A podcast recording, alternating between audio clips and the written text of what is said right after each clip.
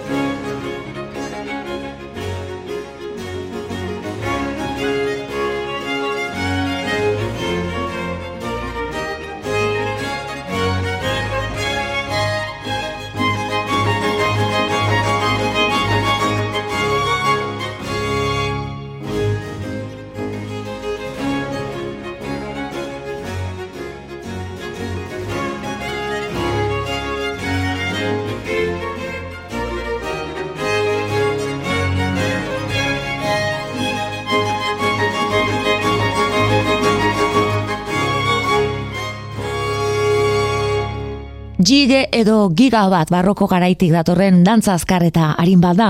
Kanon un gige da pajelbelen obraren berezko izena, eta orain honetan musika klasikoaren gailur baden lan horren bigarren mugimenduan jarri dugu harreta. Kanona berari jarraitzen dio, eta ez da ezaguna, baina batzutan badirudi Johan Pajelbelek etzuela besterik konposatu, eta ez da horrela. Bere obra instrumentala naiz abestua, benetan anitza da. Gaurkoan gainera, jatorri askotako musikariak biltzen dituen harmoni universal ospetsuak eskenita entzun dugu. Europatik, Ipar Amerika, Japon, Australia, naiz Kolombiatik atera diren interpreterik onen entzuenek osatzen dute. Klasikoak eiteben. Gurera etorriz, berez musika klasikoaren kompositore handietako bat izan behar zuen Juan Crisostomo Arria gabilbotararen lan bat entzungo dugu, baina dakizuenez oso gazte hiltzen emeretzi urterekin. Agar dan le agar basamortuan.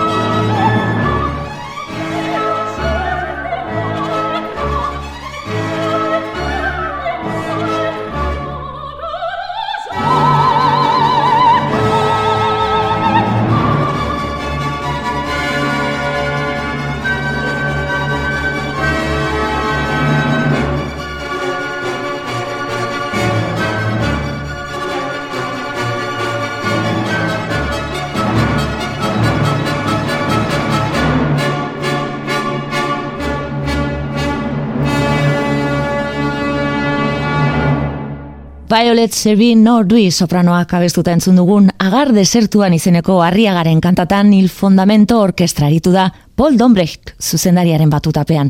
Bere bizitza laburrean, zenbait lan ospetsu eta eder sortu zituen kompositore bilbotarrak tartean, opera bat ere bai, esklabo zoriontsuak izenekoa, eta bere izena darama, Bilboko antzoki nagusiak.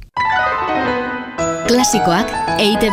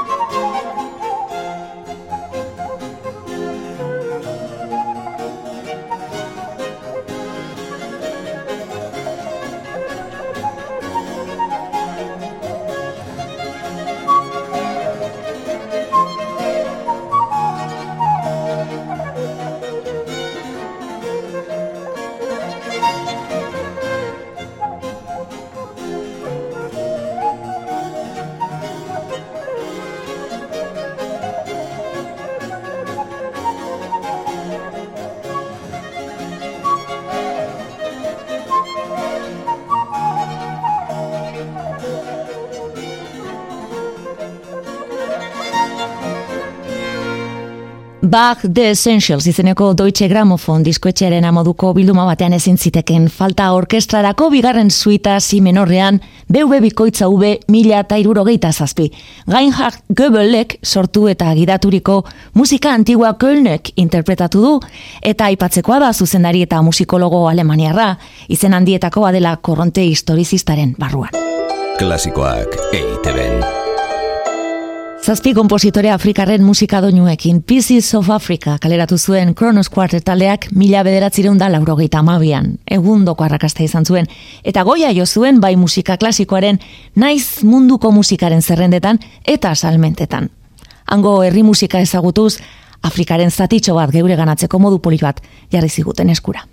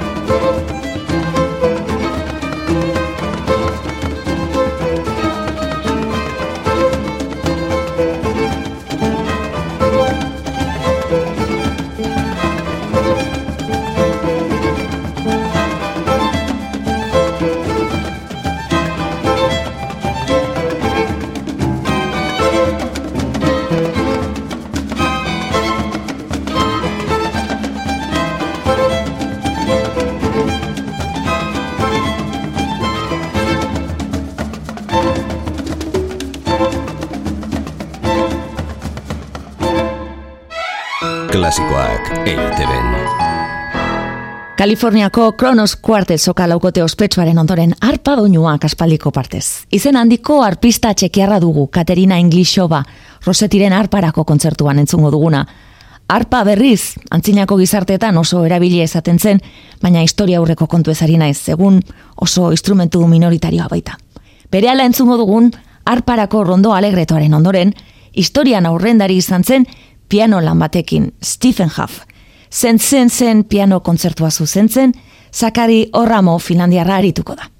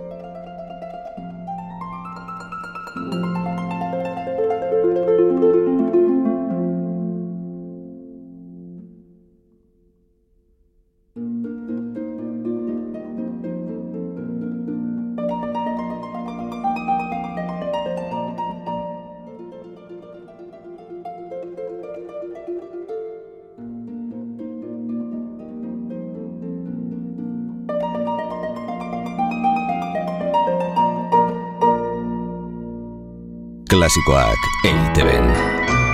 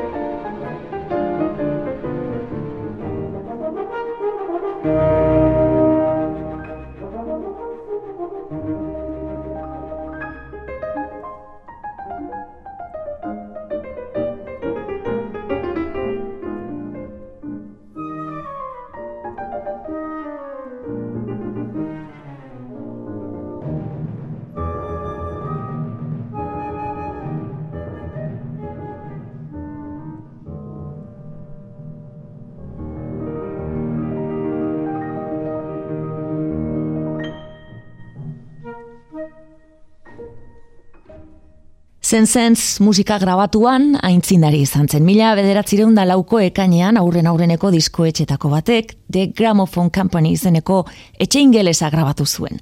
Piano laguntzaile moduan, mezzo soprano batekin. Bere komposizioak ere tartekatu zituen bakarlari modura eta hoiek ere grabatu zituzten. Esaterako entzun berri dugun piano kontzertuaren zatiren batzuk. Klasikoak eite Wagnerren Tannhäuser operaren momentu oso unkigarri bat orain, agotxik ederrenetako batean. Ez galdu Thomas Quasthoff baritonoaren interpretazio zoragarria.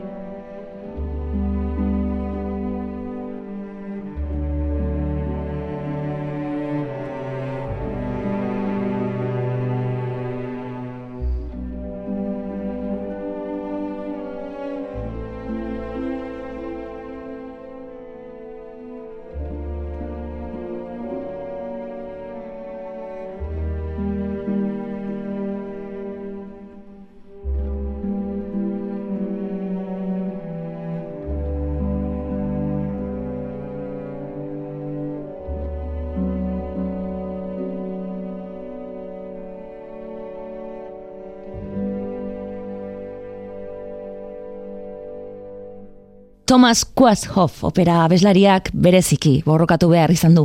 Pasaden mendeko berrogeita amarreko amarkadan ondorio katastrofikoak izan zituen talidomina botikaren seme bata.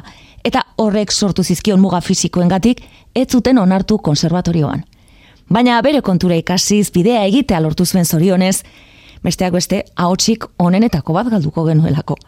2002an abestu zuen lehen aldiz opera eskenategi batean eta 2002an erretiratu zen erarte amaikasari irabazitakoa da. Ez dira zu esango, ez dela placer bat Wagnerren tanjoizerreko aria honetan bezala bere baritono basua botza entzutea. Klasikoak EITB-en. Le Witches, zorginak izeneko bildumari esker, Flandriako amaseigarren menderaino bidaiatuko dugu, hanbere sirian jasotako dantza anonimo honen doinuz.